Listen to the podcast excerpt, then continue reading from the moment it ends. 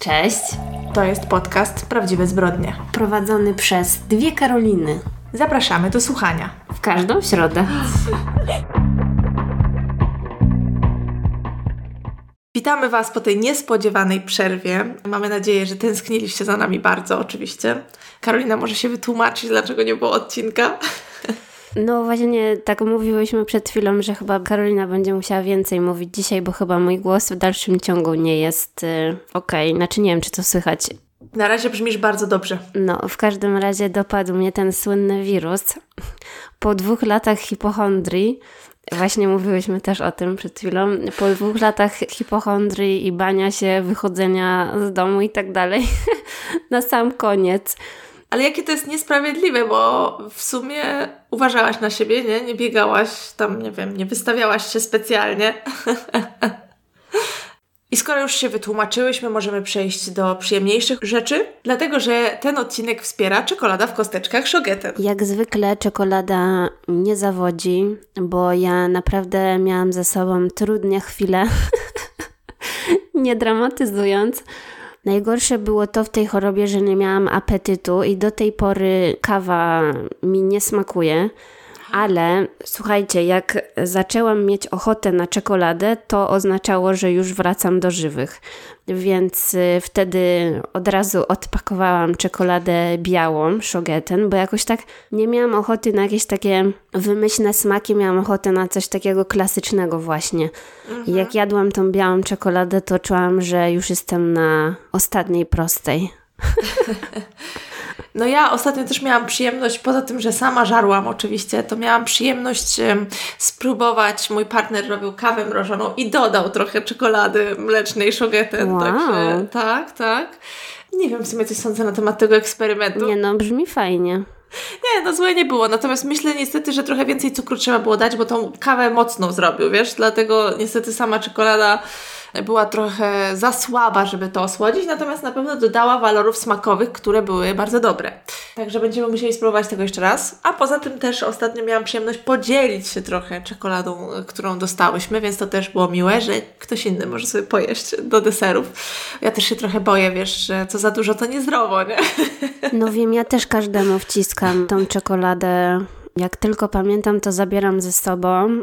A właśnie, i też przypominamy o tym smaku urodzinowym, który zdecydowanie robi furorę. Tak, tak, ja właśnie smakiem urodzinowym się podzieliłam, także jeśli jeszcze nie próbowaliście, a lubicie słodycze, to myślę, że warto. Co jeszcze mogę powiedzieć? Było ciężko, słuchajcie, ale z drugiej strony o tych złych rzeczach nie mówmy. Pozytywne jest to, że przez ten tydzień, czy tam właściwie nawet i więcej, kiedy nie byłam mobilna za bardzo, to obejrzałam tak dużo rzeczy, że po prostu musiałam sobie zrobić listę na telefonie tego, co w tym czasie udało mi się zobaczyć, bo już po prostu nawet zapominałam tych tytułów tak dużo, także mam mózg totalnie zlasowany. A co ty robiłaś w tym czasie? Co my robiliśmy? No my wiadomo, dalej rozkładaliśmy się w nowym miejscu zamieszkania. Jakieś meble trzeba było poskręcać, wiesz, jakieś rzeczy porozkładać, więc to zajmowało dużo czasu. Oczywiście też oglądałam, też słuchałam, a poza tym jestem z tego bardzo dumna, więc o tym wspomnę. Mimo Twojej nieobecności kontynuowałam chodzenie na Reformer Pilates do naszej słuchaczki Kasi, którą pozdrawiamy i oczywiście Kasia zaoferowała zniżkę dla naszych słuchaczy, więc jeżeli ktoś jest z Wrocławia albo z okolic i chciałby spróbować pilatesu na tych dziwnych maszynach, to myślę, że możemy polecieć, bo same chodzimy już z dobrych, ile, dwa miesiące? No jakoś tak. No ja niestety też miałam wymuszoną przerwę, ale już niedługo wrócę. Ze zdwojoną siłą. No na pewno nie. No, także też się tym zajmowałam, co jest bardzo dobre, bo zmuszało mnie to do chodzenia też więcej, bo oczywiście chodziłam tam na piechotę, więc kolejna dobra rzecz. No ale dobra, to skoro już zdążyłaś pochwalić się, że miałaś bardzo dużo czasu na oglądanie różnych e, serialów i filmów, to proszę bardzo, zacznijmy je omawiać. Jestem pewna, że pewnie część z naszych wyborów się pokrywa. Albo przynajmniej sprawdźmy, czy jakieś się pokrywają. Nie no, szczerze mówiąc to wiem, bo wrzucałaś na Instagram bez przerwy, co oglądasz, więc myślę sobie, a ja to też oglądam. To może ty powiedz y, pierwsze, bo ja myślę, że nie będę zanudzać tutaj wszystkich z toma tytułami, także porozmawiamy może tylko o tych, które oglądałyśmy razem. Dobrze, to może zacznijmy od czegoś, co mnie raczej rozczarowało, a wiedziałam, że ty chyba też to na początku choroby oglądałaś. Mam nadzieję, że dobrze to zapamiętałam. Czyli e, miniserial dokumentalny Netflixa, który wyszedł, nie wiem, tydzień, dwa tygodnie temu, The Bad Vegan się nazywa. No. I nie wiem, po co ktoś zrobił tyle odcinków na ten temat, naprawdę. Jest to dość problematyczny serial, nie? Ja, ja Tak. cały czas oglądając go, to znaczy, jeżeli ktoś jeszcze nie słyszał, nie ma to zbyt dużo wspólnego z weganizmem. To jest raczej kolejna historia o oszuście. No i spoko, bo wiadomo, wszyscy te historie o oszustach lubią, ale ta jest ewidentnie zrobiona na siłę, Mhm. nie? Tak, dokładnie takie samo miałam wrażenie. Myślę, że gdyby to wszystko zamknęli w dwóch godzinach, czy w półtorej, oglądałoby się to zupełnie inaczej, dlatego że to nie jest nudna historia, ale przedstawili ją, tak jak mówisz, w sposób na siłę, przedłużony, jakieś bezsensowne sceny, w kółko odtwarzanie tych samych jakichś fragmentów nagrań. Kogo to obchodzi? No, no, no. Strasznie jestem oburzona, no. Ona cały czas się przechadzała po Tak, Nowym Jorku, tak. prawda? W tych dwóch kucykach. No już dobrze, widziałam, wystarczy mi. Fajne kucyki, No koniec. ale dla mnie problem był taki i oczywiście nie chciałam o tym mówić sama z siebie, no bo wiadomo, że kobiecie należy ufać i nie kwestionować jej historii i tak dalej, ale jak już wszyscy obejrzeli ten dokument i na Instagramie i ogólnie w internecie zaczęłam widzieć coraz więcej takich głosów jak właśnie mój, to stwierdziłam, że chyba jednak mam rację, bo ta typka sprawiała wrażenie, jakby ukrywała, no nie? W sensie, że ona też nie jest tutaj taka niewinna. No oczywiście, że nie jest niewinna, to jest chyba, znaczy wydaje mi się, że to jest jasne z tego programu, bo mimo wszystko oszukiwała ludzi. Oczywiście, że mówi tam o tym, że dała się omamić i oni też to udowadniają i tam... Ale to jest właśnie bardzo kiepsko jest to udowodnione. W sensie, wiadomo, no nie mówię, że ona tam miała wszystkie dowody na pranie mózgu przedstawiać, no bo wiadomo, że nie jest w stanie tego zrobić, ale jednak inne historie o oszustach i o kobietach w takich sytuacjach są zdecydowanie bardziej wiarygodne niż ta jej historia. Tutaj mi czegoś brakowało. Nie wiem, ja trochę odebrałam, że tak oni chcieli to przedstawić. Wiesz co mi chodzi, że taki był zamysł, żeby pokazać, jakie to wszystko jest takie, nie wiem, szare. Ani czarne, ani białe, ale nie zmienia to faktu, że no po prostu to jest nudne, przepraszam. No, także wiadomo, znaczy akurat oglądało się to dobrze, ale z drugiej strony ja też właśnie co do tych rzeczy, które oglądałam w trakcie choroby, to chyba nie jestem obiektywna, bo totalnie nie miałam nic innego, żadnej alternatywy, więc jeżeli coś mi się nie podobało, to znaczy, że było po prostu dnem, dnem, nie? No, a poza tym wszystko oglądałam, jeżeli nie zasnęłam w międzyczasie, no to wszystko oglądałam i było okej. Widzisz, może, może jestem za surowa, ale naprawdę spodziewałam się czegoś więcej, no. Także może po prostu przeżywam rozczarowanie, wiesz, takie osobiste. No ja przeżywam rozczarowanie ogólnie Netflixem, bo jestem zakochana w HBO. Chciałabym mieć po prostu dzieci z HBO Max. Zastanów się, HBO. Skradło moje serce i tak dalej, więc Netflix w porównaniu z HBO Max teraz wypada tak słabo. No nie, wszystko co wypuszczają jest takie... Takie, takie miałkie, no średnie. Tak, mogę powiedzieć właśnie, że teraz w piątek 25 bodajże, czyli dwa dni temu wyszedł nowy sezon Bridgertonów. Wiem, że ty pewnie tego nie oglądałaś. No ale właśnie oglądałam wczoraj, bo już Tak? byłam tak A, znudzona, że to włączyłam, ale to też było nudne. Naprawdę, ja nie wiem, co się stało. W sensie tak, zaczęłam, w piątek oczywiście, jak tylko wyszedł, po pracy, coś tam sobie robiłam w domu, puściłam. No i pierwsze odcinki mi się podobały. Tam chyba pierwsze dwa były ok. Ale to, co się potem tam zaczęło odwalać... Nie naprawdę- ma chemii w ogóle, nie ma tych nagich scen. Halo, co tu się dzieje? Nie ma. I... Nie ma tej pikanterii. Ale właśnie tak jak rozmawiałam z koleżanką oglądając ten, ten, że fajne były te pierwsze odcinki, dlatego że nie były takie bardzo harlekinowe z jednej strony. No tak, w ogóle tego elementu nie ma. Tak, ale z drugiej strony potem tego brakuje i te sceny, kiedy to ma się pojawiać są, yy, są, są kiepskie. Ja odwracałam twarz, po prostu nie chciałam na to patrzeć, bo byłam A zażenowana. to ja chyba nie doszłam do tego jeszcze, bo ja jestem na etapie, że nic w ogóle się nie wydarzyło poza tarzaniem się w błocie. Okej, to to są jeszcze moim zdaniem te okej odcinki. A już końcówka no nie, jestem strasznie zawiedziona. Nie wiem, czy to dlatego, że ja praktycznie prawie na raz, wiesz, obejrzałam ten serial. Tam kończyłam w sobotę i dlatego tak mi się to wszystko zlało i może dlatego mi się nie podoba, no ale wiesz, to też nie jest pierwszy raz, kiedy oglądam cały sezon na raz, bo mam na to czas i tak się zdarza. I nie jestem przekonana, czy to jest wina tego, ale może, nie wiem, jestem chętna usłyszeć, co inni mają na ten temat do powiedzenia. Ale wydaje mi się, że pierwszy sezon mimo wszystko był lepszy i mocno to wszystko pozmieniali, pokomplikowali, bo tak jak się kiedyś przyznam, ja czytałam część z tych książek, nie wszystkie, ale czytałam no to te historie trochę inaczej tam się rozgrywały, ale w sumie to jest akurat ciekawe, że zobaczyć, co tam pozmieniali, nowe postacie, które wprowadzają, to akurat mi się podoba. Ale generalnie ten drugi sezon jest raczej zawodem po raz kolejny. Netflix. Dlaczego? No, zgadzam się. Znaczy, w sumie. Nie wiem. Zgadzasz się co do ostatniego zdania. Okej. Okay. No dobrze, kolejna rzecz na liście, którą widziałam, że oglądałaś i jestem ogólnie bardzo podekscytowana tym serialem. Właśnie został mi jeszcze jeden odcinek z czterech, które są chyba aktualnie dostępne i mówię tutaj o serialu, który wyszedł na HBO Max właśnie i nazywa się Minx. Oglądałam, tak. Tak, no właśnie. I ten serial dzieje się w latach 70. Opowiada o kobiecie, której marzeniem jest założyć własny magazyn dla kobiet, żeby kobietom pomagać, żeby walczyć o ich prawa, żeby zmieniać ich sytuację na świecie. I kobieta napotyka na swojej, drogie, na swojej drodze, przepraszam, wydawcę magazynów pornograficznych. No, jest to bardzo zabawne. Tak. Pierwszy odcinek był lekkim szokiem dla systemu, bo jakby jest taka chyba, nie wiem, kilkuminutowa sekwencja, gdzie po prostu widać machające penisy na ekranie. Właśnie rozmawiałam o tym z koleżanką, która słucha, także pozdrawiam i zastanawiałyśmy się, czy to są prawdziwe, czy sztuczne penisy w tych serialach, jak często są takie ujęcia i te chyba były prawdziwe.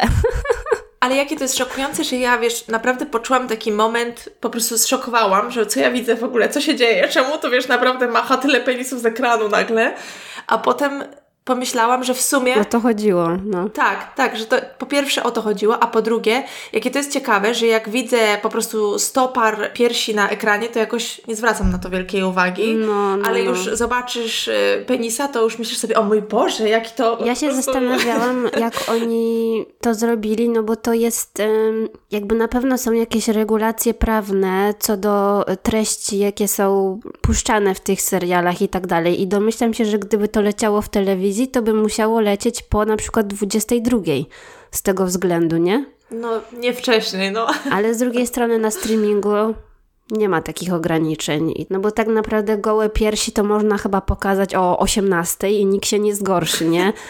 O 16 do obiadu. a, a 100 gołych penisów, no to już jest jakiś problem. No śmieszne to jest. Ja myślę, że to jest historyczny moment, bo przez ostatnie parę minut powiedziałyśmy penis tyle razy, że jak chyba jeszcze nigdy penis, w tym podcaście. No, w każdym razie serial jest super i jeżeli ktoś z Was ma trochę wolnego czasu, to bardzo polecam E, sprawił, że się uśmiecham, jak go oglądam. Bardzo lubię główną bohaterkę tego wydawcę magazynów pornograficznych. Gra aktor, wstyd mi, nie pamiętam jak się nazywa, ale to jest ten, który grał... No tego, tego właśnie w tym serialu. Czekajcie, już Wam powiem kogo. New Girl. Tak, dokładnie. Nazwę serialu pamiętam, ale jak on się tam nazywał? Nick? Nick mi się wydaje, no. I już Wam powiem, jak się ten aktor nazywa, żeby nie było. Okej, okay, ale u, on się po prostu nazywa Jake Johnson. A aktorka, którą gra główną rolę w tym serialu, o której mówiłam, nazywa się Ophelia Lovie Bond. Mam nadzieję, że tak czyta się jej nazwisko. No mi ostatnio przypomniało się, że nie oglądałam nowego sezonu Dextera. A wiem, że Karolinę to raczej średnio interesuje, więc powiem to do wszystkich słuchaczy, którzy są również fanami i fankami Dextera, bo na Kanal Plus Online jest dostępny cały nowy sezon Dexter New Blood. No i wiadomo, pewnie tam słyszeliście, ci, którzy się interesują, że, że Dex jakby to jest taki... Dobra, ja powiem, że mam chyba jeszcze mózg e, w covidzie, także nie powinnam zbyt dużych zdań... Co? Zbyt długich zdań układać. Także w skrócie, 10 lat później po finale Dextera dzieją się te wydarzenia. Poza głównym bohaterem Dexterem jest też drugi bohater, Nowa Krew, czyli jego syn. No i ogólnie wszystko to brzmi trochę dziwnie, prawda? Przepraszam, ten pomysł brzmi strasznie tandetnie. No tak, to brzmi bardzo tandetnie. Poza tym Dexter jest w jakiejś tam małej miejscowości, gdzie, nie wiem, tam rąbie drewno i hoduje kozy i tak dalej. No to wszystko jest takie trochę tendencyjne. Mhm. Ale obejrzałam cały ten sezon oczywiście na jedno posiedzenie, no bo wiadomo, nie miałam nic innego do roboty. Jak inaczej? Nie ma innej opcji. I muszę powiedzieć, że bardzo mi się ten sezon podobał. Tak jak mówię, nie wiem, czy jestem obiektywna w tym wszystkim, ale nieważne. W każdym razie po prostu poczułam taką nostalgiczną sympatię do Dextera. I mam ochotę obejrzeć ten serial od początku, bo właśnie mój chłopak wielokrotnie mi mówił, że on by chciał Dextera oglądać, bo on nigdy nie oglądał. A ja zawsze mówiłam, nie, nie, dobra, mamy lepsze rzeczy do roboty, na przykład rodzinę Soprano i coś tam. Więc teraz będziemy mieć co oglądać wspólnie, czyli Dextera od samego początku. No, także jeżeli lubiliście tego bohatera, to polecam. Końcówka jest na pewno zaskakująca. Także obejrzyjcie i przekonajcie się sami. Ja daję okejkę. Okej. Okay. I bardzo w ogóle lubię tego aktora. Jakby on jest super. Uwielbiam go. Michael C. Hall. Nie wiem dlaczego pamiętam jego imię i nazwisko z jeszcze z jedną literką w środku. No bo go uwielbiasz przecież, no to pamiętasz. Ale brakowało mi tej czołówki Dexterowej, no. Niestety tego nie zrobili tak samo. Ja nie wiem dlaczego ja jakoś nigdy się w to nie wciągnęłam. To jest bardzo dziwna sprawa. To znaczy, ja myślę, że to jest normalne, wiesz, bo ogólnie nie powinno się tego serialu lubić, bo jest to serial o seryjnym mordercy, który zabija ludzi. I to, że ja mówię, że ja go lubię i tak dalej, to znaczy chyba, że ja jestem jakaś dziwna. Ale przecież to on ma tyle fanów. Pamiętam, jak to leciało, że przecież każdy oglądał Dextera. A ja naprawdę próbowałam i coś mi nie podeszło. Nie wiem dlaczego. Właśnie rozmawiałyśmy z Karoliną, jak to ugryźć, żeby Was tu nie zanudzić na śmierć, bo jest naprawdę dużo rzeczy do omówienia w tej dygresji. Stwierdziliśmy, że po prostu nie będziemy mówić o wszystkim, ale o jeszcze jednej rzeczy chciałabym Wam powiedzieć i jest to reality show na Netflixie, który wyszedł bodajże dwa tygodnie temu i wykrzyknęłam z radości, kiedy zobaczyłam, że się pojawił. I jest to program, który się nazywa Byron Base. Dzieje się w Australii. To jest 8 odcinków o grupie przyjaciół, niby przyjaciół, bo nie jestem przekonana, czy oni faktycznie się lubią. Frenemies. Dokładnie, to bardziej są frenemies. I dwóch osobach, które są przyjezdne do tego Byron Base, które przyjeżdżają, chcą, nie wiem, robić karierę w mediach społecznościowych i innych. I stopień odrealnienia, na jaki cierpią bohaterowie tego programu, jest tak niesamowity, że ja miałam chwilami wrażenie, że to jest żart i ktoś to naprawdę nakręcił, nie wiem, dla dowcipu i wkręca mnie, bo aż trudno mi uwierzyć, że tacy ludzie naprawdę istnieją. Więc e, oglądało się to przez to fantastycznie. Przyznaję, śmiałam się dużo, więc może jestem wredna. Ale jeżeli lubicie tego typu głupoty, to nie wiem, obejrzyjcie sami i dajcie znać, bo naprawdę, no, tak jak mówię, to odrealnienie, które tam jest i ten jakiś taki brak, nie wiem, czegokolwiek. jest niesamowity, niesamowity. No, ty mi wysłałaś informacje o tym, rekomendacje tak. właściwie chyba mi wysłałaś, nie? I ja to włączyłam, ale nie byłam w stanie tego długo oglądać, bo właśnie jakoś tak dla mnie ci ludzie byli jakoś tak sztuczni, że Potem się robi jeszcze gorzej. Właśnie ja nie wiem, jakby, no bo wiadomo, Selling Sunset, no to te dziewczyny są bardzo naturalne w tym. Na pewno odgrywają te wszystkie scenki i tak dalej, ale jakby... Jakie no są? naturalne w sensie, że ja wierzę im, że one te wszystkie rzeczy by powiedziały, że one są takie, wiesz, bitches i coś tam. A, a tutaj ci ludzie byli tacy zblazowani za bardzo. Ja też uważam, że niepotrzebnie zupełnie zaczynają od tej typki od której zaczynają, bo ona jest najbardziej absurdalna i mówi Aha. w sposób jakby była... Ta taka piosenkarka. Nie, nie, nie. Ta druga. Aha. E, taka, co ma tam... Jakiś family business ma, Dokładnie, taka blondyna, tak? Tak, tak, tak. tak. I ta moim zdaniem jest najgorsza, jeżeli chodzi właśnie o ten stopień odrealnienia, bo ona w ogóle wypowiada się w taki sposób, że ja myślę sobie, co się dzieje w ogóle. No, no, no. jakby no. naprawdę się naćpała i usiadła przed kamerą i zaczęła się wypowiadać.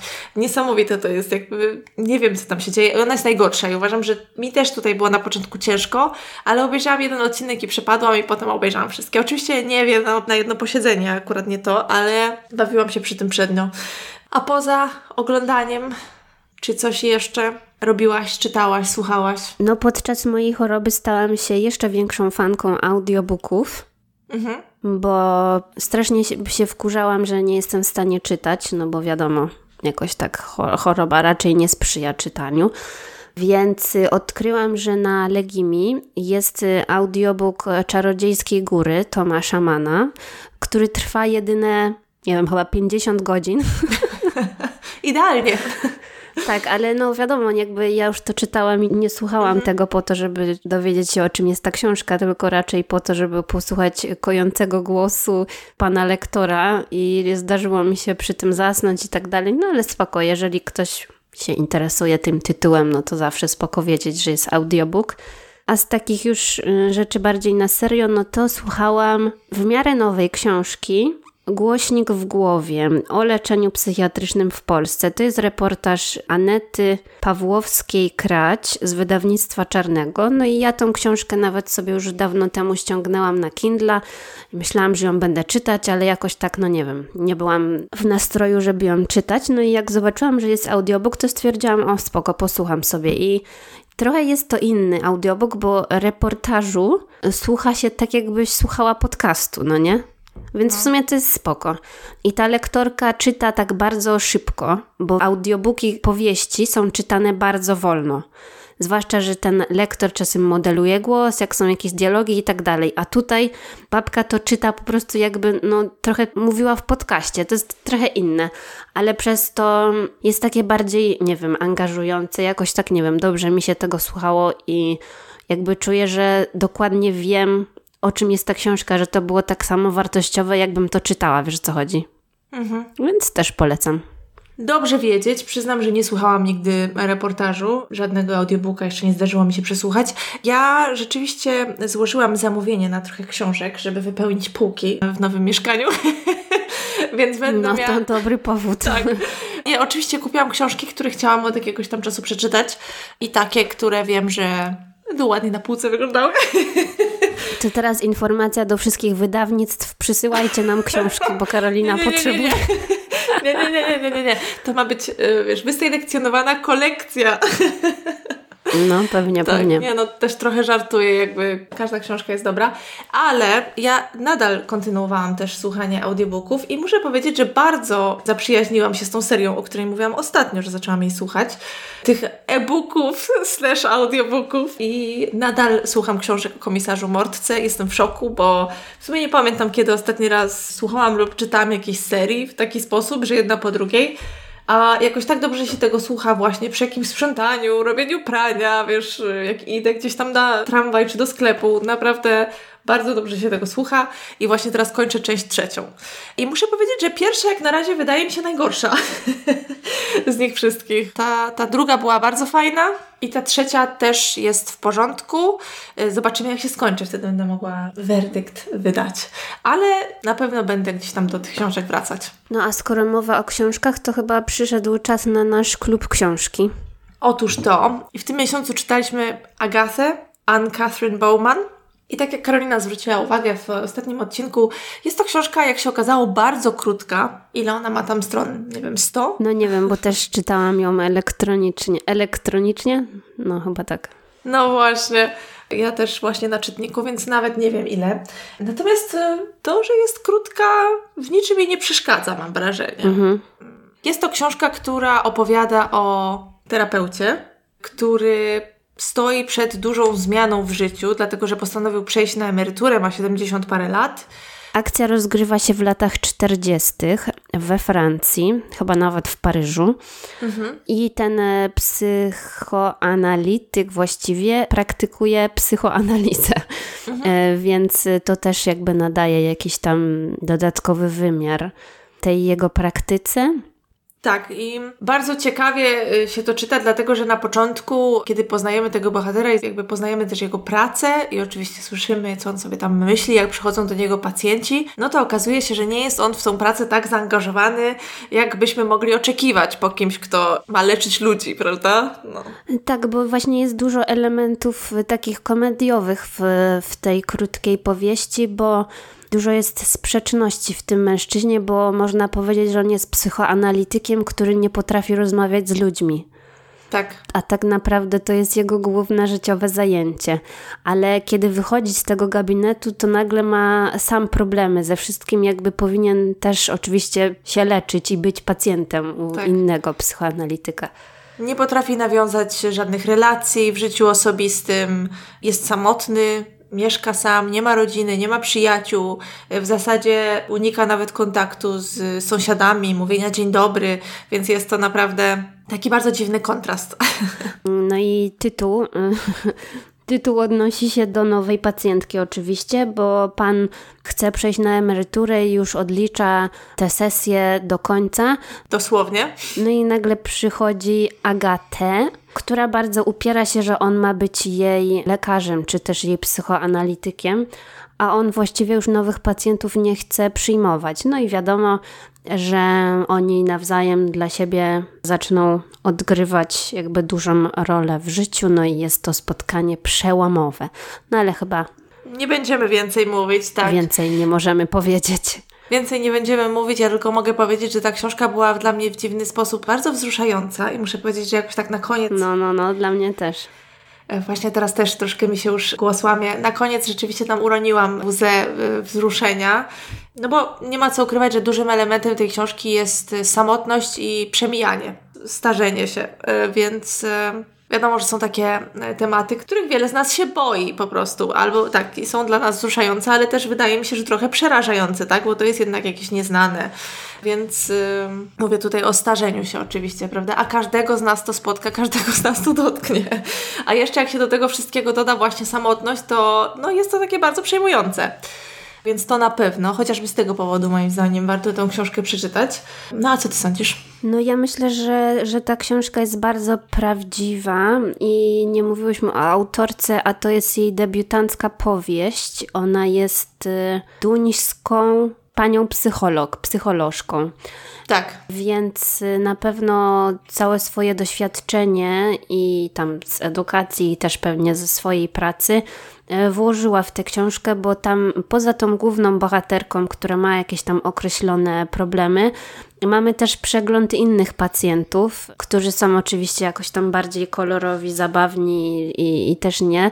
Także no tutaj jest taki wachlarz właściwie całego, no nie wiem, społeczeństwa, problemów, jakie mamy i tak dalej. I wszystkie te jakieś tam analizy i wnioski są bardzo trafne. Nawet sobie parę tam fragmentów podkreśliłam na zaś. Także jest to taki idealny balans między właśnie tym humorem i taką głębią, nie? Że możesz się śmiejesz, się śmiejesz mhm. i nagle o, wzruszasz się. Nie, naprawdę tak jest. To ja się z Tobą zgadzam w 100%, ale co też jest y, takie ciekawe, jeśli chodzi o tą książkę, że mimo to, że tam jest tak mało treści i te rozdzieliki są takie króciutkie, jest powiedziane tam dużo więcej niż jest napisane. Mhm. Wiadomo, że to jest na tyle krótka książka, że można usiąść i przy dwóch kawach to przeczytać, tak szczerze mówiąc, więc to nie jest y, jakby czasowo wymagające, ale po skończeniu tego wracałam wielokrotnie myślami gdzieś do tej książki, więc myślę, że warto ją przeczytać. No i na pewno na plus dla tej autorki, bo pozostawia niedosyt. Mhm. I z tego, co wyczytałam, to została wydana ta książka w 30 krajach. Mm. Jak na debiut, no. No, duży sukces ona osiągnęła i teraz na pewno duża presja, żeby wydała kolejną. Także jestem ciekawa, czy coś jeszcze napiszę. Jeżeli wyda jeszcze jakieś książki, to ja na pewno z chęcią je przeczytam. Ale tak, to prawda, ta końcówka była taka, no nie wiem, trochę serce urosło, trochę się wzruszyłam, nie wiem. A i w ogóle sobie zapisałam, że ta autorka, ona była mistrzynią Danii w tenisie stołowym. Tak, to ona jest jakaś bardzo uzdolniona we wszystkich możliwych y, dziedzinach, y, tak, tak. Ale w ogóle super, bo ja też ze wszystkich sportów zawsze najbardziej lubiłam ping-ponga. Także, no, fajnie. Poczytajcie sobie. Jak zwykle czekamy na sugestie co do kolejnych edycji klubu książki, ale oczywiście to ogłosimy wkrótce. Ja tylko na zakończenie jeszcze mogę powiedzieć, że poza słuchaniem książek o komisarzu Mortce, słuchałam jeszcze podcastu. Nie wiem, czy kiedyś wspominałam o podcaście Harel. Nie wiem, czy to kojarzysz, kto to jest Harel? Mhm. Kojarzysz, prawda? Tak. No, ta pani jest od tak dawna w internecie, chyba że ciężko jej nie kojarzyć. W każdym razie, jeżeli jej nie znacie, to polecam. Ma super bloga, gdzie pisze o modzie, też o polskiej modzie w bardzo ładny sposób. I poza tym, że Harel już od dawna ma swój podcast, który nazywa się Posłuchaj Harel. Są dłuższe i krótsze odcinki. Są takie, które mają 15 minut, są takie, które mają minut 40, więc to już tam można sobie nawet dobrać w zależności od długości spaceru. Na bardzo różne tematy. Natomiast teraz Harel we współpracy z Reserved zaczęła nagrywać kolejny podcast i to są rozmowy, nazywają się W duecie z Harel. I mi się te bardzo rozmowy podobają. Na razie są trzy, oczywiście są to wywiady. No, formę doskonale znamy, to nie jest nic odkrywczego, natomiast uważam, że sama prowadząca jest bardzo taką miłą osobą, której się przyjemnie słucha, która wie o czym mówi, zna się na tym, bo jakby od wielu lat na tym rynku modowym funkcjonuje i o tym wszystkim pisze, więc y, te rozmowy też prowadzi bardzo ładnie i jeżeli ktoś lubi tego typu formę, to polecam. I jeszcze zapomniałyśmy już dawno wspomnieć o prezencie, jaki dostałyśmy od naszej słuchaczki. Tak, a nawet nie zapomniałyśmy, tylko po prostu non-stop coś krzyżowało plany, bo najpierw ja się przeprowadzałam, wszystko spakowałam, nie miałam dostępu, jak yy, chciałyśmy zrobić zdjęcia, nie wyszło. Potem Karolina się rozchorowała, znowu nie wyszło, no i tak się bawimy. A dzisiaj, jeżeli nie słychać, to nagrywamy zdalnie, także Tak, też nie, tak. nie widzimy się w realu. Tak, i spotkało nas takie szczęście już ładnych kilka tygodni temu, że napisała do nas słuchaczka, która prowadzi e, sklep z odzieżą z drugiej ręki, który się nazywa Pick and Buy. Oczywiście podlinkujemy Wam jej konto na Instagramie w naszym opisie. I była tak miła, że wysłała nam dwa prezenty. Ja akurat dostałam super taką letnią, krótką marynarkę. Na pewno Wam kiedyś pokażemy zdjęcie, bo jest bardzo piękna. A Karolina wybrała sobie... A ja wybrałam sobie e, super ekskluzywny kaszmirowy sweterek, Tak. ale urzekł mnie dlatego, bo jest zapinany na guziki, jak ktoś mówi. Cardigan to jest. To jest cardigan, oczywiście. Cardigan. I ja czegoś takiego w sumie nie miałam, zwłaszcza w takim kolorze, bo wybrałam jakiś taki bardzo odważny kolor malinowy. Nie mam w ogóle czegoś takiego chyba w mojej szafie, ale przyznam, że jak go ubrałam jakiś czas temu, jak jeszcze wychodziłam z domu i łaziłam po sklepach e, i tak widziałam siebie w lustrze, to tak patrzę, mm, kto to? Wow! I tak, Puszczałeś mm, do siebie oko. że tak, no widać było, że jednak w takim kolorze mi jest do twarzy i tak myślę, No, no. hmm, nice, how you doing? Nie, uważam, że kardigany, ja przyznam, jestem jego ogromną fanką, bo nie dość, że można nosić je jako bluzkę zapięte pod szyję, można sobie zrobić dekolt, można nosić je na inną bluzkę, na No. sukienkę, na wszystko, No. więc jest to, jest to super na pewno. No i jak wiecie, obie jesteśmy fankami ubrań z drugiej ręki, tam gdzie to możliwe. Ale nie powiedziałyśmy właściwie o co chodzi, bo przyznam, że ja się nie znam na takich sprawach i stwierdziłam, że to jest idealna opcja dla osób, które nie lubią chodzić po lumpeksach czy też właśnie sklepach z odzieżą używaną, bo nasza słuchaczka prowadzi ten vintage shop na Instagramie. Czyli wrzuca na story, na Instastory te wszystkie rzeczy z podaną ceną i tam informacjami. I jeżeli ktoś chce sobie kupić, no to pisze po prostu wiadomość do tego story, co jest myślę super wygodne. Bardzo, bardzo to jest wygodne, to prawda. I masz rację, myślę, że wiele osób nie lubi po prostu fizycznie chodzić do sklepów z odzieżą używaną. No ja nie lubię właśnie. No właśnie, po pierwsze słyszałam głosy, że rzeczy jest za dużo, że ciężko się ludziom połapać i to nie tylko tyczy się sklepów z odzieżą używaną, ale też takich sklepów typu H&M, prawda? Tam też czasami te wieszaki są tak zawalone, że w ogóle nic nie widać. No. Czy sklepów typu TK Maxx, prawda? I wiem, że wiele osób nie reaguje na tego typu y, miejsca dobrze i gdzieś tam, wiesz, za dużo, za dużo bodźców i po prostu odwracają się napięcie i wychodzą. Wiadomo, że też zapach w sklepach z odzieżą używaną bywa różny, prawda? No i te rzeczy nie są przebrane i trzeba tą pracę całą wykonać samemu, a sklepy właśnie typu Pick and Buy, no to eliminują to i nie musisz już czytać składów, tam gapić się, przeglądać, sprawdzać, czy coś nie ma dziury i tak dalej, bo jeżeli miało, to ktoś już ją dawno naprawił, prawda? I to jest faktycznie bardzo fajne. Ja tam akurat lubię pójść do second handu od czasu do czasu, jest to dla mnie bardzo relaksujące, ale doskonale rozumiem, że nie dla każdego tak będzie, bo ja też czasami wchodzę i myślę sobie, nie, nie dzisiaj i wychodzę. No, ale widziałam, że jest to coraz bardziej popularne, bo w sumie dużo mi się takich reklam na Instagramie pojawia, jakichś takich właśnie vintage shopów instagramowych, I nie bez powodu, no. także no. jest w czym wybierać. Także dziękujemy jeszcze raz i polecamy i co? Oczekujcie na zdjęcie. No właśnie, zdjęcie w kardiganku. Może kiedyś się wydarzy. No to już się chyba nagadałyśmy. Widać, że byłyśmy stęsknione do siebie i do podcastu. Mam nadzieję, że moja chrypa, która się zrobiła, nikomu nie przeszkadza. Mam nadzieję, że w kolejnym odcinku już jej nie będzie, także słuchamy, co Karolina przygotowała.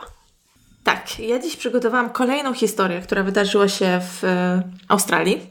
I nie będę ukrywać, że wybrałam ją dlatego, że po prostu zadziałała na moje emocje. Ja często się tym kieruję przy wyborze historii, bo bardzo mnie poruszyła. I zacznę tą historię w pewnym sensie od środka, ale mam nadzieję, że zrozumiecie dlaczego później. 15 lipca 2015 roku, niedaleko miejsca, które się nazywa Wainarka w południowej Australii, kierowca odnalazł porzuconą przy drodze walizkę, a w niej szczątki dziecka.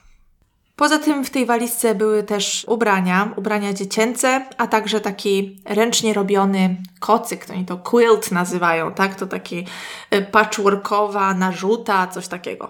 Oczywiście policja natychmiast zajęła się tą sprawą i zaczęto prowadzić śledztwo, próbowali zidentyfikować ciało znalezione w walizce.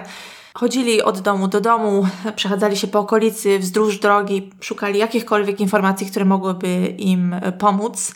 Wystosowano apele do społeczności o jakiekolwiek informacje, rozwieszali plakaty, rozdawano ulotki, robiono wszystko, co mogli, żeby zidentyfikować zwłoki tego malutkiego dziecka. Ta sprawa oczywiście poruszyła wiele osób, no bo jest to szokujące znalezienie zwłok tak porzuconych, y, no w zasadzie jak jakiś śmieć takiego maluszka przy drodze, no to wiadomo, że, że bardzo chwyciła ta historia za serce wszystkich y, w tamtej okolicy. I zgłaszano się po informacje do ludzi kilkukrotnie. W pewnym momencie policja postanowiła też udostępnić zdjęcia rzeczy znalezionych w walizce, po to właśnie, żeby zdobyć jakiekolwiek informacje, że może ktoś rozpozna jakiś z tych ciuszków, może właśnie ten kocyk. I to zadziałało, dlatego że w pewnym momencie do Crime Stoppers, to jest taka organizacja, która właśnie współpracuje z ludźmi po to, żeby zapobiegać i rozwiązywać przestępstwa, zadzwoniła kobieta, która się nazywała Tania Weber. I ta kobieta zobaczyła zdjęcia ubrań i tych rzeczy znalezionych w walizce przy zwłokach dziecka i coś ją tknęło, bo właśnie rozpoznała ten kocyk, który znaleziono i on jej przypominał kocyk, który matka jej przyjaciółki zrobiła dla jej dziecka. Oczywiście kobieta powiedziała policji, kim może być ta dziewczynka i według tej kobiety ta dziewczynka mogła się nazywać Candace Pierce i była ona córką kobiety, która nazywała się Carly Pierce Stevenson. Dziewczynka urodziła się w 2006 roku i gdy badano ciało tego dziecka, które znaleziono przy drodze, stwierdzono właśnie, że no te zwłoki musiały tam już być od jakiegoś czasu. Ustalono, że dziewczynka mogła zginąć nawet w 2007 roku, a to był rok 2015. Dziecko według policji, według osób badających to ciało musiało zginąć w wieku od 2 do 4 lat. Stan zwłok był zły, przez co na początku ciężko było ustalić im e, płeć dziecka, ale z pewnością stwierdzili, że dziecko zginęło w brutalny sposób. A następnie ułożono jej ciało w walizce. Dziewczynka miała e, wepchnięte do buzi szmaty, jakieś kawałki materiału. E, jej głowa była owinięta w różne rzeczy. Na głowie też miała założoną pieluchę, co było jeszcze owinięte taśmą. No był to naprawdę straszny, straszny widok. Przeszukano bodajże długość 48 km wzdłuż drogi, tak jak mówiłam, w poszukiwaniu wszelkich śladów, dowodów. Odebrano setki telefonów e, w sprawie tego ciała w walizce. Słyszeli, że ludzie widzieli jakiegoś około 60-letniego mężczyznę właśnie z taką walizką gdzieś tam przechadzającego się w okolicy Policja stwierdziła też, że ktoś mógł ruszać walizkę po tym, jak została porzucona, bo widać było, że jej zawartość została jakby naruszona. Że to nie była taka ładnie zamknięta, leżąca na boku drogi walizka, więc możliwe, że ktoś już wcześniej to znalazł na przykład.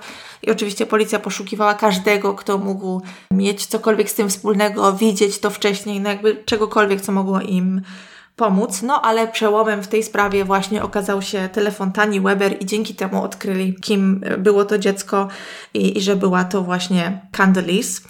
Okazało się, że Candace i jej mama Carly wyjechały e, z miejscowości Alice Springs na dobre w 2008 roku.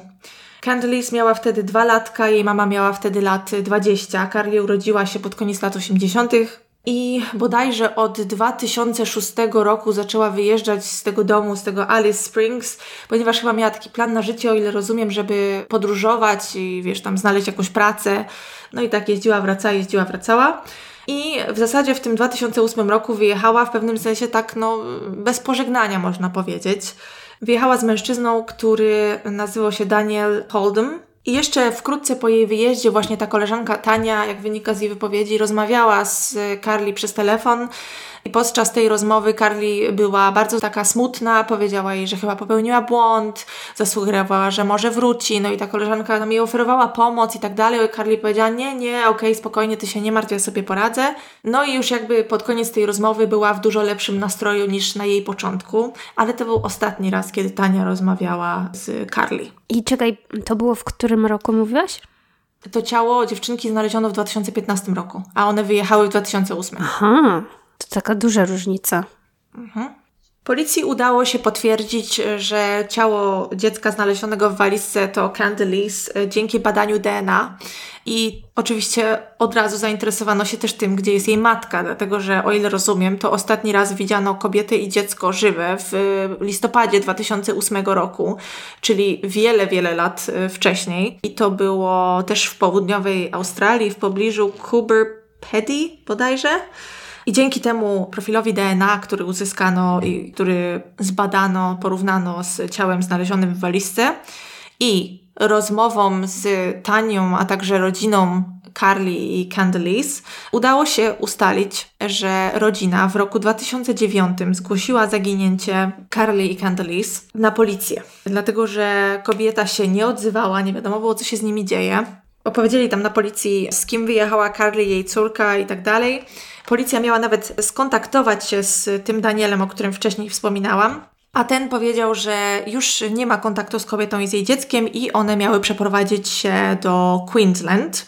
Ale czy ktoś to sprawdził, czy ktoś zrobił z tym coś więcej? Szczerze mówiąc, nie wiem. Jak rozumiem, mogło niestety tak nie być. Mhm. Czyli nikt tak naprawdę mógł nie potwierdzić wtedy tej wersji wydarzeń Daniela, mogli mu po prostu uwierzyć na słowo.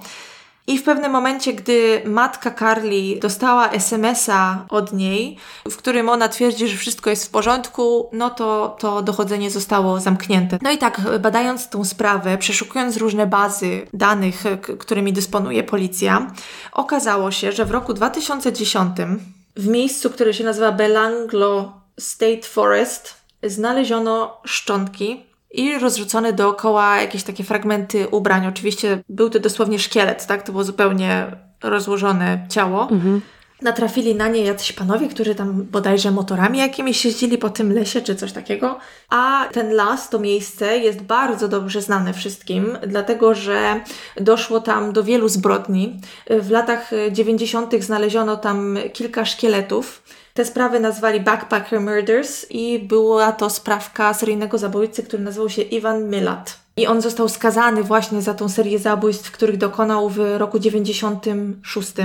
Także ten las cieszył się bardzo złą sprawą i był wielu osobom znany, więc wiadomo, że po tym jak znaleziono te szczątki, no to pierwsze co przyszło policji do głowy to, że może to jest właśnie kolejna osoba, która została zamordowana przez tego Iwana. E, natomiast y, zaczęto badać e, te szczątki i stwierdzono, że te szczątki i te rzeczy musiały być tam już od kilku lat. Nie wiedziano konkretnie ile, ale przy szczątkach znaleziono koszulkę z różowym napisem Angelic i jak się dowiedziano, ta koszulka była e, sprzedawana przez firmę Chain Reaction i można ją było kupić pomiędzy rokiem 2003 a 2006. Aha. E, więc przez to policja stwierdziła, że no tutaj niestety musieli wykluczyć tego seryjnego zabójcę Iwana, dlatego że on od roku 96 siedział już w więzieniu. Więc było to no, po prostu fizycznie niemożliwe. Ustalono również, że szczątki należą do kobiety pomiędzy tam 13 a 24 rokiem życia. W innych źródłach mówili, że pomiędzy 15 a 24 rokiem życia, natomiast wiadomo było, że była to nastolatka albo młoda kobieta. Znaleziono też inne rzeczy, takie jak sznurówkę, kolczyka, a także zęby. I w mediach zaczęto nazywać tą kobietę aniołem, aniołem właśnie z tego lasu.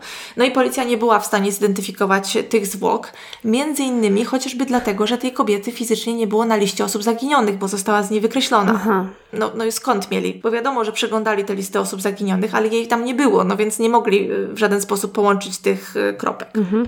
Zastanawiano się, czy ofiarą nie jest przypadkiem y, niemiecka backpackerka, jakaś tam turystka, która pracowała w winiarni. Tam było kilka różnych y, zaginionych kobiet, które brano pod uwagę, y, jeżeli chodzi o zwłoki znalezione w lesie.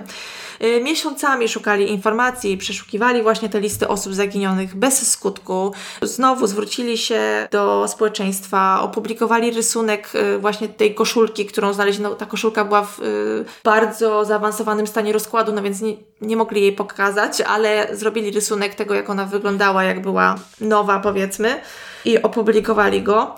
I zaproszono też do współpracy panią dr Susan Hayes, bodajże, z Uniwersytetu z Zachodniej Australii, która zbadała czaszkę, a następnie na tej podstawie zrekonstruowała przy pomocy programu graficznego, jak mogła wyglądać kobieta znaleziona w tym lesie. I ten rysunek również opublikowano. Czyli to jest taka sprawa bardzo w stylu Forensic Files i, i CSI tak, i tak dalej. Tak, Dokładnie, dokładnie. Natomiast o dziwo nie widziałam, żeby na jej temat był odcinek Forensic Files, no ale z drugiej strony to nie jest sprawa ze Stanów, tylko z Australii, więc pewnie dlatego. Większość informacji mam z artykułów. Jeden tylko program na ten temat znalazłam, oczywiście 60 Minutes, jest odcinek na ten temat, ale on jest bardzo krótki, on tam, nie wiem, trwa chyba z 20 parę minut i dużo informacji zostało pominiętych, tak? Jest tak bardzo generalnie opisana ta sprawa, ale oczywiście są wywiady i tak dalej, więc y, nie mówię, żeby oglądanie go to był czas stracony, ale jednak takich y, większych szczegółów trzeba było szukać y, właśnie w artykułach. I ten rysunek, ta rekonstrukcja przy pomocy programu graficznego została wykonana pod koniec 2011 roku. Więc no, jak widać, te działania policji jednak trochę trwało, no ale w przypadku, w, w którym nie mieli żadnych informacji, w zasadzie nie, nie mieli od czego zacząć, tylko chwytali się czegokolwiek, to myślę, że to nic dziwnego. Przy okazji badania szczątków znalezionych w lesie, Oczywiście znaleziono też na tym szkielecie ślady, które mogły świadczyć, na tych kościach, które mogły świadczyć o tym, że ktoś bardzo mocno na tą osobę nadepnął nogą czy też kolanem. No więc wiadomo było, że doszło tutaj do czegoś bardzo niedobrego po prostu. No i kiedy policja już zebrała te wszystkie informacje, to oczywiście głównym zainteresowanym w tej sprawie stał się mężczyzna o imieniu Daniel. W 2015 roku miał on, on już 41 lat. I gdy policja zaczęła go szukać, to nie musiała szukać daleko, bo okazało się, że mężczyzna siedzi w więzieniu za napaść na bodajże 8 czy 9-letnią dziewczynkę. Ojej. Tak, napaść seksualną. Gdy zaczęto badać dokładnie jego życie, dowiedzieli się, że mężczyzna był w związku z kobietą, która nazywała się Hazel Passmore. I co ciekawe, kilka lat wcześniej, w 2008 roku, we wrześniu, mężczyzna brał udział razem z tą kobietą Hazel i jej dwójką dzieci brał udział w wypadku samochodowym. On był w nim kierowcą. I ten wypadek był naprawdę tragiczny, dlatego że w jego wyniku dwójka dzieci Hazel zginęła, a kobieta e, wylądowała na wózku inwalidzkim. Ojej. Kiedy policja zainteresowała się nimi, no to oni byli w związku i kiedy zaczęli zbierać to wszystko do kupy, te wiadomości, które otrzymywała rodzina Carly i jej córki, rozmowy, to, że pieniądze z banku, z konta bankowego Carly cały czas znikały przez te wszystkie lata, w sensie ktoś je po prostu wybierał. Policja dowiedziała się też, że ktoś na przykład przyszedł do takiego czy innego oddziału banku, żeby coś tam zmieniać, wiesz, ustalać i tak dalej. Stwierdzono, że ktoś po prostu musiał się pod Carly podszywać. No i ze śledztwa policji wynikało, że jedną z takich osób była właśnie Hazel Passmore. Więc policja miała tutaj już też na nią hak, e, czyli właśnie oszustwo, o tak, oszustwo finansowe, e, przywłaszczenie mienia e, kogoś innego. I sprytnie to rozegrali, dlatego że Hazel, żeby siebie uratować, oczywiście zgodziła się z policją współpracować. Przeczytałam też taki artykuł na Daily Mail właśnie akurat o tej kobiecie i o tej sytuacji z Danielem, że ta kobieta wiedziała o tym, że Daniel, jej partner życiowy, zabił Carly i jej córeczkę. Co? Tak, doszło do tego, że ona zobaczyła rzeczy Carly, jakieś dokumenty jej w samochodzie Daniela i myślała może, że on kogoś ma na boku czy coś takiego. I kiedy skonfrontowała go z tym, co znalazła, wiesz, jakby poruszyła ten temat, to On jej powiedział, że ich nie ma, ich nie ma, ona mówi, no ale jak to ich nie ma? On mówi, że, że one nie żyją. Aha. A poza tym wyobraź sobie, że Daniel przetrzymywał w swoich rzeczach kartę, na której miał zdjęcia z dnia i miejsca zabójstwa Carly. Jaką kartę? No, kartę pamięci, Aha, okej. na której miał zdjęcia, no taką kartę SD, tak? Tak się to chyba nazywa, się tam No. nie znam. Aż mi ciężko to powiedzieć. Miał zdjęcia, na których gwałci ją butelką. Co? Tak. Ale po co? Jakby... Nie wiem. Nie wiem. Więc był bezpośredni dowód. No miał normalnie zdjęcia w formie, nie wiem, czy to było jakieś trofeum, jego jakaś chora pamiątka. Miał normalnie zdjęcia kobiety, którą zabordował. Okej. Nie wiem nawet, co mam, jak mam to skomentować. I właśnie w rozmowie miał przyznać się do y, seksualnej napaści na Carly, właśnie tą butelką. Miał potem przyznać się, że nadepnął ją, tak wiesz, z całej siły na gardło i po prostu zmiażdżył jej, wiesz, to gardło. A także miał powiedzieć, że y, napastował seksualnie dwuletnią córkę y, Carly Candelis, zanim ją udusił, a następnie wsadził jej ciało z jej rzeczami do walizki i porzucił je przy drodze. Policja ustaliła, że między śmiercią matki i córki e, mogło minąć 4 dni.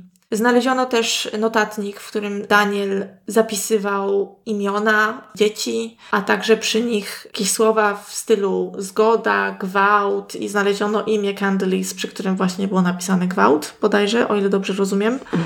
Przez te wszystkie lata ukradł ponad 70 tysięcy dolarów australijskich z konta Carly, bo wiadomo, ona też jako matka dostała różne tam rodzaje wsparcia. No i co? Na początku oczywiście y, nie przyznawał się do winy, ale w sądzie ewidentnie wiedział, że mają na niego za dużo, żeby mógł wywinąć się, wiesz, od odpowiedzialności.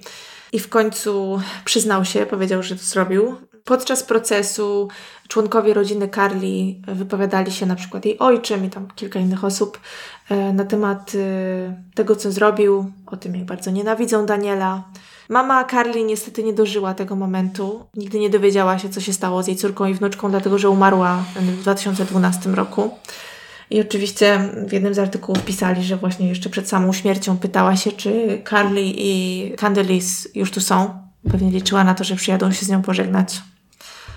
No i oczywiście tutaj jako motyw e, policja stwierdziła, że motywem zamordowania Carly y, mogło być właśnie podszywanie się pod nią, w celach finansowych oczywiście, po to, żeby ukraść jej pieniądze. No i tutaj też mówiono o tym, że chciał mieć dostęp do jej córki po prostu. Niestety stan e, ciała Candelis, zaawansowany stan rozkładu nie pozwalał udowodnić, czy do napaści faktycznie doszło, czy nie. Natomiast tak podejrzewają, a ówczesna partnerka Daniela jakby dawała do zrozumienia, że wcale by jej to nie zdziwiło, bo Daniel w przyszłości chyba wyrażał swoje preferencje na głos, jakby zainteresowanie molestowaniem dzieci. Co? Nie wiem, jak ktoś może żyć z taką osobą, czy nawet nie z nią bezpośrednio, tylko w ogóle w, w takim otoczeniu i nie wiem, w żaden sposób nie, wiem, nie zareagować, nie zadzwonić na policję, nie pójść. Jeszcze ta kobieta sama miała dzieci. Nie wiem, może właśnie ta śmierć dzieci, ten wypadek był tak tragiczny, że, że coś się z tą kobietą stało. Może coś się stało z jej mózgiem, nie wiem, stan psychiczny jej się pogorszył, ale po prostu ciężko mi sobie wyobrazić, jak można żyć w takiej sytuacji. Bo, bo jakby policja znalazła świadków, którzy widzieli, że na przykład właśnie do banku przyszła kobieta e, na wózku z mężczyzną i oni jakby pasowali do opisu Hazel i Daniela, tak? No, No wiesz, może ona po prostu też się go bała i ciężko może, stwierdzić. może. E, może faktycznie tak było. No w każdym razie to wszystko jest szokujące i w sumie tak sobie myślę o tym, że on był bardzo sprytny, bo przecież gdyby nie to, że zachowali telefon Carly, gdyby nie to, że e, wysyłali te SMS-y do jej rodziny, żeby niby tam, wiesz, potwierdzić, że ona żyje, to po pierwsze raport, to zgłoszenie zaginięcia by się zachował, prawda? I tą sprawę rozwiązano by dużo szybciej. A nie wiem, co już po drugie, przepraszam, już się zapowietrzyłam po prostu. W każdym razie, no spryciarz, co by nie mówić. Nie był chyba taki głupi, bo tak naprawdę co, pożył sobie 7 lat? No. za pieniądze Carly? Bezkarnie zupełnie? Mam nadzieję, że w emocjach nic nie pominęłam jak zwykle. Wiecie, tydzień tu się wydaje tak mało, ale mam wrażenie, że za każdym razem jak mamy tygodniową przerwę, to ja potem wracam po prostu jak na nowe, jakbym nigdy nie nagrywała wcześniej. no jeszcze wybrałaś sobie taką sprawę, która wytrąca trochę. Tak, tak. Natomiast y, no niestety takie rzeczy się dzieją, to się w głowie po prostu nie mieści. Ale na szczęście teraz dzięki technologiom e, różnym udaje się znajdować dowody na takie osoby, chociażby na przykład też policja znalazła ślady telefonów komórkowych właśnie i Carly i Daniela tam w miejscach, gdzie się pojawiali i dzięki temu też mogli prześledzić, wiesz, ich trasy i tak dalej, więc yy, chociaż tyle. Ja w sumie o tym wcześniej nie wspomniałam, ale ważne też tutaj jest to, że e, ciała matki i córki zostały znalezione w miejscach oddalonych od siebie ponad 100 kilometrów. Mhm. Więc to nie jest tak, że lokalna policja jakby mogła jakoś skojarzyć fakty, prawda? To trzeba było naprawdę usiąść, przemyśleć, przejrzeć, porozmawiać, podzwonić, prawda? Żeby, żeby w ogóle cokolwiek y, odnaleźć i w jakiś sposób te sprawy połączyć, prawda? No. I właśnie dzięki pracy policji, dzięki uważności i instynktowi tej koleżanki Carly, Tani Weber, mężczyzna został skazany na dwa dożywocia w 2018 roku. Oczywiście tutaj podkreślano brutalność tych morderstw, do których doszło i też y, perfidność tego mężczyzny, to, to, to jak on to zaplanował, wiesz, jakby też policja przedstawiła dowody, które świadczyły o tym, że on przygotował się do morderstwa dziewczynki i poszedł wcześniej do sklepu zakupić potrzebne mu rzeczy w stylu taśmę klejącą, y, worek i tak dalej, więc y, on naprawdę dokładnie sobie to wszystko przemyślał i myślę, że spotkała go zasłużona kara. Tak. To jestem ciekawa, co Ty dziś dla nas przygotowałaś. Ja opowiem historię Lity McClinton. Ona urodziła się w 1952 roku. Była córką Emoriego McClintona, który był urzędnikiem Departamentu Transportu Stanów Zjednoczonych, a jej matka Joan McClinton była reprezentantką stanu Georgia, oh. czyli miała takich dość wysoko postawionych rodziców. Lita pochodziła z Atlanty. Jej rodzina należała do wyższych sfer w stanie Georgia w środowisku afroamerykańskim. Mieszkali w luksusowej posiadłości. Lita została przedstawiona towarzystwu na balu dla debiutantek, chodziła do prywatnych szkół, była otoczona luksusami, no takie po prostu wyższe sfery. Ale jej rodzice chcieli też ją nauczyć szacunku do pracy, więc po skończeniu szkoły pracowała w centrum handlowym w Atlancie. I tam w roku 75 poznała zamożnego, starszego od siebie, białego mężczyznę, który pochodził z Bostonu i był podobno milionerem i nazywał się James Sullivan. Kilka lat później wzięli ślub. On musiał wcześniej rozwieść się ze swoją pierwszą żoną. W wyniku tego pierwszego rozwodu stracił znaczną część swojego majątku, dlatego był no, niezadowolony. A rodzina Lity obawiała się, że on chce się z nią ożenić tylko dlatego, żeby dołączyć do tej wpływowej rodziny McClintonów, mhm. z której właśnie Lita się wywodziła. A jak James właściwie zdobył swój majątek? On w 1983 roku dokonał ogromnej transakcji biznesowej, bo sprzedał firmę, która nazywała się Crown Beverage. Oni tam produkowali jakiś alkohol. W każdym razie firmę odziedziczył po swoim e, wujku, Franku Benercie. Aha. W 1975 roku ten wujek zmarł. No i James firmę sprzedał za 5 milionów dolarów. I w związku z tymi pieniędzmi James i Lita postanowili przenieść się do Palm Beach na Florydzie. Tam na Florydzie kupili piękną posiadłość Casa Eleda. To była willa w stylu włoskim z widokiem na ocean. Ale zaraz, ta willa miała swoje imię, tak? W tak, sensie tak. tak. Uuu, to musiała być naprawdę taka już bardzo luksusowa. Mhm więc e, razem chcieli zabłysnąć wśród wyższych sfer Palm Beach. Mieli nadzieję, że ta społeczność będzie bardziej tolerancyjna dla małżeństw, i tutaj słowo międzyrasowych. Nie wiem, czy to jest słowo poprawne politycznie, no ale nie znam innego po polsku, które by oddawało ten kontekst. Bo nie wiem, czy wiecie, ale miasto Atlanta odegrało bardzo dużą rolę w historii Afroamerykanów. No ale niestety wkrótce para przekonała się, że się przeliczyli i że Palm Beach jest nawet bardziej rasistowskie niż niż założyli, bo właśnie w jednym programie podawali taki bardzo przykry przykład, że kiedy Lita otwierała drzwi w tej ich pięknej posiadłości, bo ktoś pukał do drzwi, to mówili do niej, czy mogą porozmawiać z panią domu, mhm. bo zakładali, że ona jest, nie wiem, służbą czy coś takiego, no. A Jamesowi bardzo zależało na akceptacji śmietanki towarzyskiej, bo on miał jakieś takie, wiesz, parcie, żeby być bogaty, żeby otaczać się luksusami i żeby ludzie go szanowali, właśnie żeby należeć do tych wyższych sfer, bo z tego co rozumiem, to on był taki nowobogacki, prawda? Mhm. Bo z kolei Lita była bogata z domu i ona w tych wyższych sferach była właściwie od zawsze, a on próbował się do tych wyższych sfer dostać. Więc on był tak naprawdę zły, że ludzie dalej go nie akceptują przez to, że ma, no krótko mówiąc, czarną żonę. Mhm. No i być może w związku z tym, być może nie, ale James zaczął wdawać się w liczne romanse i nawet tego nie krył, bo Lita często znajdowała w swoim łóżku blond włosy czy damską bieliznę. Co za ham! No. Było jej bardzo przykro, bo ona bardzo kochała swojego męża i chciała zrobić wszystko, żeby ten związek uratować. O, Lita. Próbowali chodzić na terapię. W związku z tymi ich e, kłótniami Lita zgodziła się podpisać intercyzę, tylko to już było po zawarciu małżeństwa, więc to nie była taka intercyza, która by dzieliła ich majątek, tylko to był dokument, na mocy którego mm, miała otrzymać 2500 dolarów alimentów miesięcznie w razie gdyby doszło do rozwodu.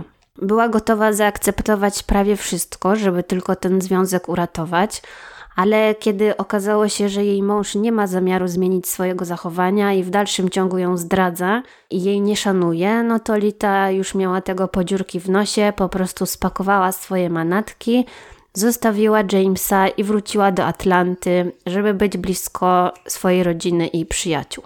Jej najbliżsi twierdzili, że James próbował kontrolować każdy aspekt jej życia, więc ostatecznie, kiedy doszło do procesu rozwodowego, to było w 1985 roku, no to w sumie wszyscy wiedzieli, że zanosi się na niezłą e, jatkę. Mhm. Bo James i Lita walczyli o majątek wart 5 milionów dolarów. Tutaj żadna ze stron nie chciała ulec drugiej. James oczywiście próbował grać nieczysto, bo nie miał zamiaru się niczym z Litą dzielić, bo oczywiście uważał, że to jest jego majątek, tak? No i tak doszliśmy do 16 stycznia 1987 roku, kiedy rano do drzwi Lity puka kurier. Ona otwiera drzwi, widzi kuriera, który przyszedł wręczyć jej bukiet składający się z tuzina róż. Ten mężczyzna pyta, czy pani nazywa się Lita McClinton. Ona odpowiada, że tak. Następnie ten mężczyzna wyciąga broń i strzela jej w głowę. Karolina jest w szoku. W sensie, no wiadomo, spodziewałam się, że zaraz coś się stanie, ale okej. Okay. No tak perfidnej. No właśnie, tak, tak, właśnie to jest dobre słowo. Mhm. Mm, zbrodni chyba się nikt nie spodziewał. Niestety ona umiera na miejscu. E, sąsiad usłyszał strzał i natychmiast zadzwonił na policję. Kilku świadków widziało, jak pewien mężczyzna ucieka z miejsca zdarzenia, ale nie byli w stanie go zidentyfikować. Inny sąsiad e, z kolei zeznał, że widział trzech mężczyzn uciekających e, z tego miejsca w małym białym samochodzie ale no nikt nie, nie był w stanie podać jakiegoś imienia i nazwiska, prawda? Wiesz co, zawsze jak e, właśnie pojawia się kwestia opisywania samochodów czy jakichś innych pojazdów, to strasznie mi się śmiać chce, bo ja się zastanawiam, nawet jak jest to jak w jakichś serialach i tak dalej, co ja bym powiedziała, jakbym zobaczyła jakiś samochód i policja by się mnie zapytała, wiesz, nie wiem jaki to był model, jaki to był kolor, nie wiem kto wsiadał, jaki numer rejestracyjny. Ja bym powiedziała ładny albo brzydki. Tak, to ja bym powiedziała, nie wiem, duży. No. Niestety. No. Ale z zeznań świadków oczywiście sporządzono rysopis podejrzanego mężczyzny. Z takich y, znaków szczególnych to mówili, że był łysiejący. Ale poza tym był przeciętny, jakby nic go nie wyróżniało. Mhm. Po dotarciu na miejsce zdarzenia śledczy przeszukali dom Lity. Od razu na wejściu znaleźli to pudełko z różami i 9 mm pocisk, który ją zabił. Policja postanowiła zachować w tajemnicy kaliber broni. Nie chcieli, żeby ta informacja wyciekła do mediów, bo liczyli na to, że przestępcy jakoś się wymsknie gdzieś ta informacja, no i wtedy będą mogli go zidentyfikować. Więc y, śledczy w Atlancie wszczeli wielkie śledztwo. Policja sprawdziła lokalne kwiaciarnie. Poszukiwali kwiaciarni, w której sprawca kupił właśnie ten bukiet dla Lity, bo było to dość specyficzne zamówienie, bo to był tuzin różowych róż zapakowany do pudełka, także na pewno ktoś musiałby to zapamiętać. W końcu trafili do odpowiedniej kwiaciarni. Sprzedawca zapamiętał, jak jakiś zdenerwowany mężczyzna odpowiadający portretowi pamięciowemu kupował kwiaty tego samego ranka, właśnie kiedy Lita została zamordowana. Oczywiście w takiej sytuacji, kiedy zamordowana jest kobieta, która właśnie jest w trakcie procesu rozwodowego, pierwszym podejrzanym staje się jej mąż. Dlatego policja była w stanie e, sprawdzić billingi telefoniczne Jamesa i z tego udało im się ustalić, że 40 minut po zabójstwie Lity James odebrał połączenie na koszt odbiorcy i dzwonił do niego ktoś spoza e, miasta Atlanta, no bo wiadomo, te numery kierunkowe i tak dalej. Odległość między domem Lity a tą konkretną budką telefoniczną, z której wykonano połączenie, wynosiła dokładnie 40 minut, czyli zgadzałoby się, że dzwonił do niego sprawca. No i ta intryga tutaj się zagęszcza, ponieważ śledczy dowiedzieli się również z billingów telefonicznych, że trzech mężczyzn zameldowało się w motelu Howard Johnson w stanie Georgia. To było z tego co rozumiem na przedmieściach Atlanty, czyli też pasowała lokalizacja. Oni użyli do tego fałszywych dowodów tożsamości i właśnie z tego hotelu dzwoniono do domu Jamesa co najmniej trzy razy. No ale ten James oczywiście miał alibi na czas morderstwa Lity, no bo był wtedy w swoim domu w Palm Beach na Florydzie, więc nie mógł się teleportować, bo do morderstwa oczywiście doszło w stanie Georgia ale władze mu tak łatwo nie odpuściły, bo uważali, że w dalszym ciągu mógł być zamieszany w tą sprawę na odległość. A co zrobił James na wieść o śmierci swojej jeszcze nie byłej żony? Umówił się ze swoją nową dziewczyną na randkę do restauracji, także widać, y, że miał co świętować. I za bardzo się tym nie przejął. Ale śledczy poświęcili więcej czasu na przyjrzenie się Jamesowi, Przepytali jego znajomych i współpracowników. Dowiedzieli się od nich, że James narzekał na utratę dużej części swojego majątku przy pierwszym rozwodzie i że nie chciał popełnić tego błędu drugi raz. W okresie poprzedzającym śmierć Lity, James wspominał mimochodem, że nie zdziwiłby się, gdyby Lita uległa tragicznemu wypadkowi. Poza tym rozpowiadał ludziom, że Lita brała narkotyki, sugerując, że morderstwo mogło mieć związek z jakimiś, wiesz, nie wiem, gangsterskimi porachunkami. Ale rodzina i przyjaciele Lity dobrze wiedzieli, że ona nigdy nie miała problemu z używkami, ale w tej historii po raz kolejny pojawia się problem związany z rasizmem. Bo jak mówiłam, James przebywał w Palm Beach na Florydzie i tam również gazety rozpisywały się o morderstwie Lity no bo ona tam wcześniej mieszkała, była jakoś tam znana w towarzystwie i tak dalej. No i w przeciwieństwie do Atlanty, Palm Beach było zamieszkane przez zamożnych białych ludzi, którzy w latach 80. nie byli tak poprawni politycznie jak dziś. I bardzo szybko uwierzyli w to, że Lita mogła mieć problemy z narkotykami. No tak, James dokładnie wiedział, co powiedzieć, nie? Mm. No. A że James był tylko biednym, zatroskanym e, mężem. Oczywiście. Mhm. Dodatkowo musimy niestety pamiętać o tym, jak w tamtych czasach łatwo było obwiniać kobiety, ofiary za to, że zostały skrzywdzone. Także no, wszystkie złe rzeczy, jakie możemy sobie wyobrazić, to właśnie w Palm Beach wypisywali na temat e, całego tego morderstwa. No tak, na pewno sobie zasłużyła, no. Więc y, James tworzył swoją historię i podsyłał informacje do tabloidów oczerniające Litę. Dobrze wiedział, co robi, bo oczywiście odwracał uwagę od siebie jako podejrzanego. Co ciekawe, w toku śledztwa na policję zgłosił się fotograf, który pierwotnie został wynajęty przez zespół Jamesa po to, żeby zrobić zdjęcia wszystkiego, co znajduje się w domu Lity na potrzeby procesu rozwodowego. Jednak dzień przed morderstwem fotograf dostał telefon, że jego usługi nie będą już potrzebne.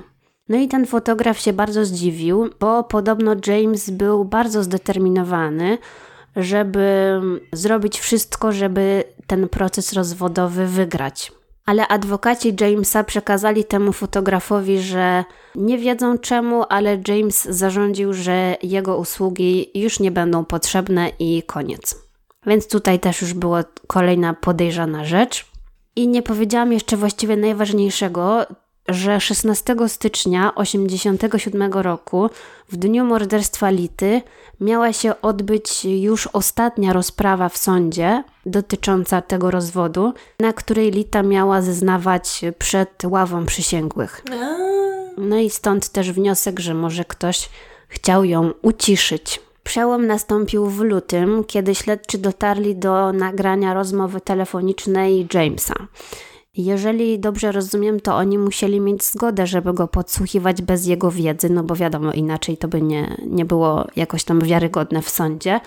W trakcie tej nagranej rozmowy James powiedział znajomemu, że Lita została zamordowana z pistoletu kalibru 9 mm. Czyli wiadomo, powiedział to, co policja chciała ukryć właśnie przed opinią publiczną. Więc James trochę sam się wydał. Tylko to wszystko fajnie brzmi, ale wciąż konkretnych dowodów yy, brak. Nie ma tutaj dowodu, że James komuś zapłacił, nie ma narzędzia zbrodni, nie ma danych płatnego mordercy. Śledczy stwierdzili, że ta sprawa nie będzie miała szans przed sądem, no i niestety wycofali zarzuty przeciwko Jamesowi. No i to była dość taka kontrowersyjna decyzja, no bo wyobraźcie sobie, co musiała czuć cała rodzina Lity. Nie no, straszne, straszne. Paskudny typ i jeszcze się wywinął, no. No. A najgorsze w tym wszystkim jest to, że James w tym czasie dalej szalał w Palm Beach. Mhm. Niedługo później znalazł sobie nową żonę.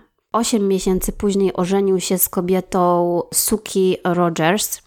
To była bardzo atrakcyjna kobieta, o dziwo bardziej doświadczona w małżeństwach niż on, bo James był jej czwartym mężem. Mhm.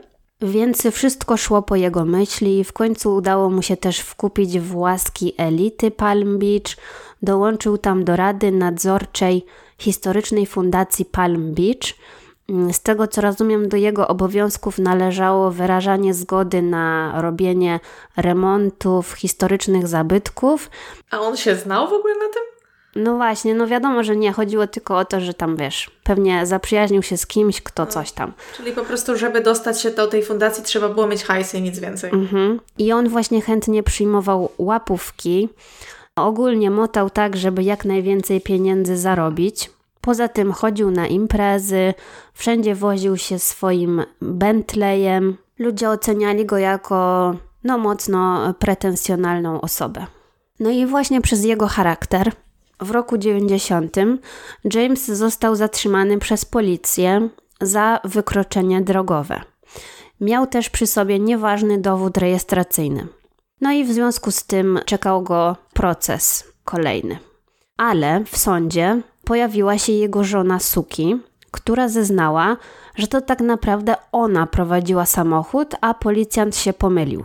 No i być może tutaj chodziło o to, że James y, nie chciał przyjąć na siebie tej winy z powodu wciąż trwającego śledztwa w sprawie śmierci Lity.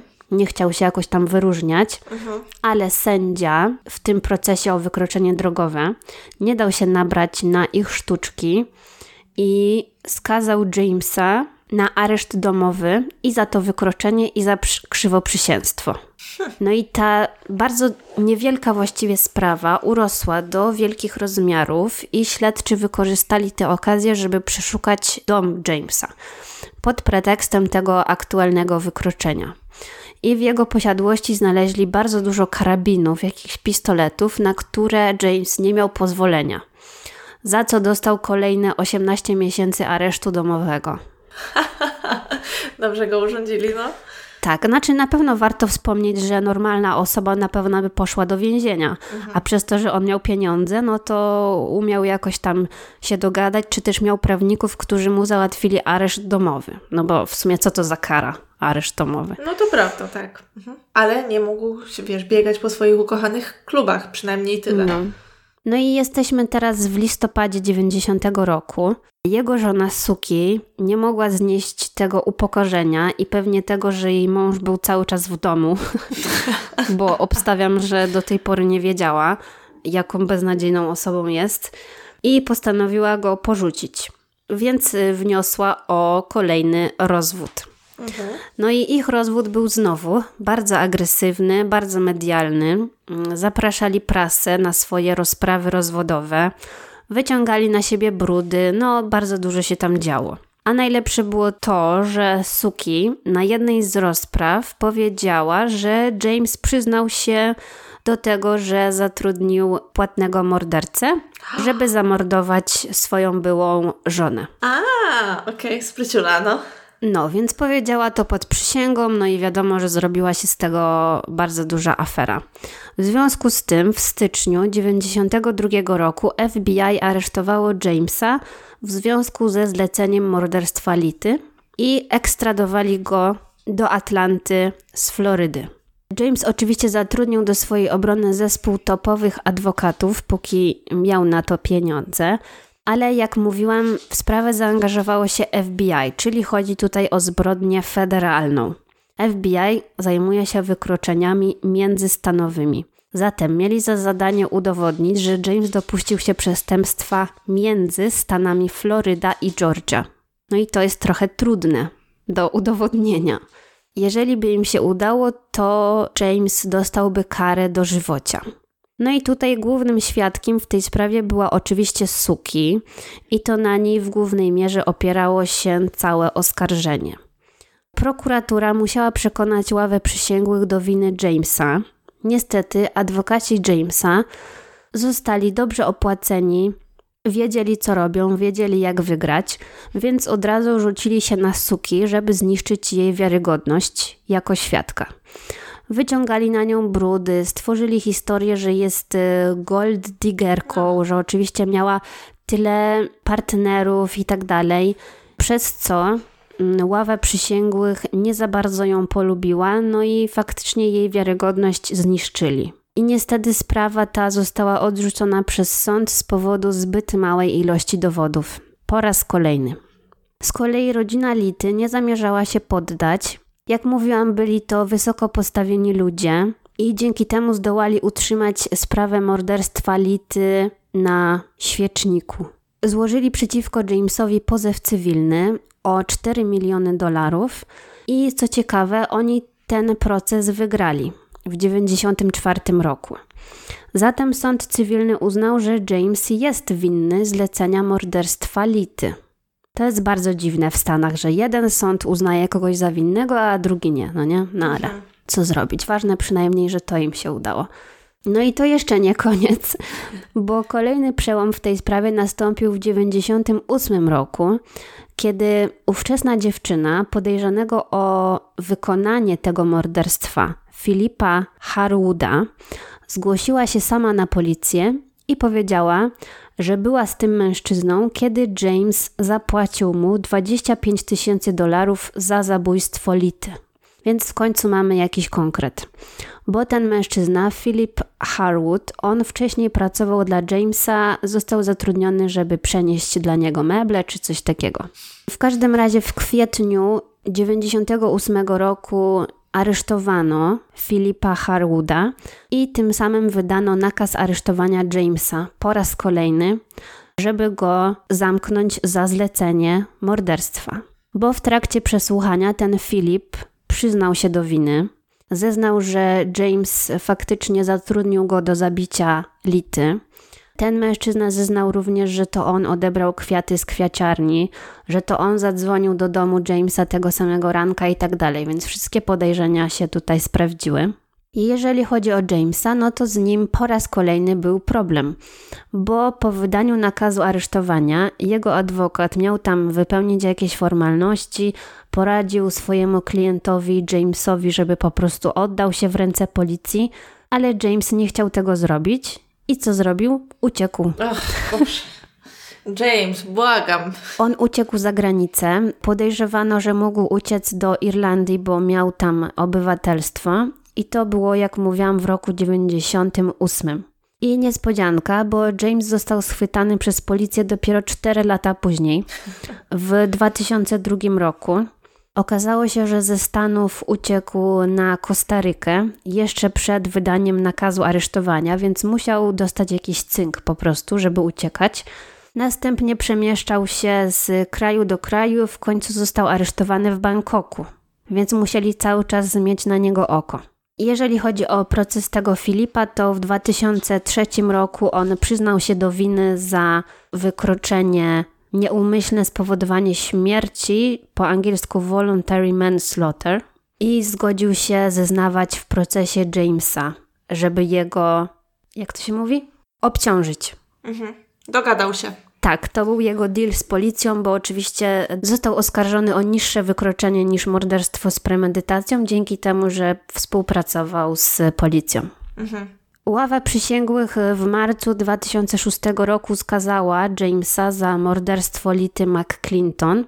James przebywa obecnie w więzieniu stanowym w Georgii, gdzie odbywa karę dożywotniego więzienia bez możliwości zwolnienia warunkowego, no bo oczywiście tą swoją ucieczką i tak dalej, no jednak skreślił tutaj swoją możliwość na jakiekolwiek ulgowe traktowanie. No i słusznie. Z kolei Philip Harwood został zwolniony z więzienia w 2018 roku po odbyciu kary 20 lat pozbawienia wolności. Także on odsiedział swoje, zaliczyli mu tam jeszcze 4 lata jakby aresztu, więc ostatecznie po prostu odsiedział 20 lat i tyle. Mhm.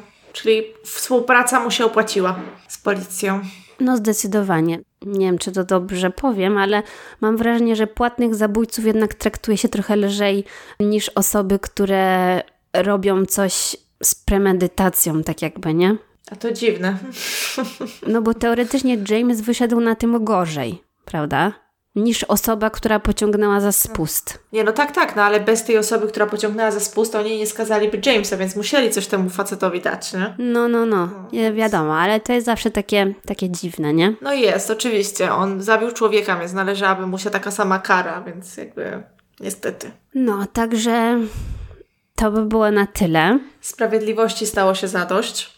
Mamy nadzieję, że nie tęskniliście za bardzo za nami i jeszcze musimy uprzedzić, że w przyszłym tygodniu odcinka również nie będzie, ale to dlatego, że ta przerwa była zaplanowana przez nas. Tak, już to miałyśmy zaplanowane od jakiegoś czasu. No wiadomo, zdrowie też szwankuje czasami, no więc jest jak jest, ale potem wracamy już y, normalnie i będą co tydzień odcinki znowu przez y, jakiś czas. Także nie martwcie się. Dziękujemy bardzo. Pozdrawiamy wszystkich naszych patronów oczywiście i do usłyszenia za tydzień. Do usłyszenia.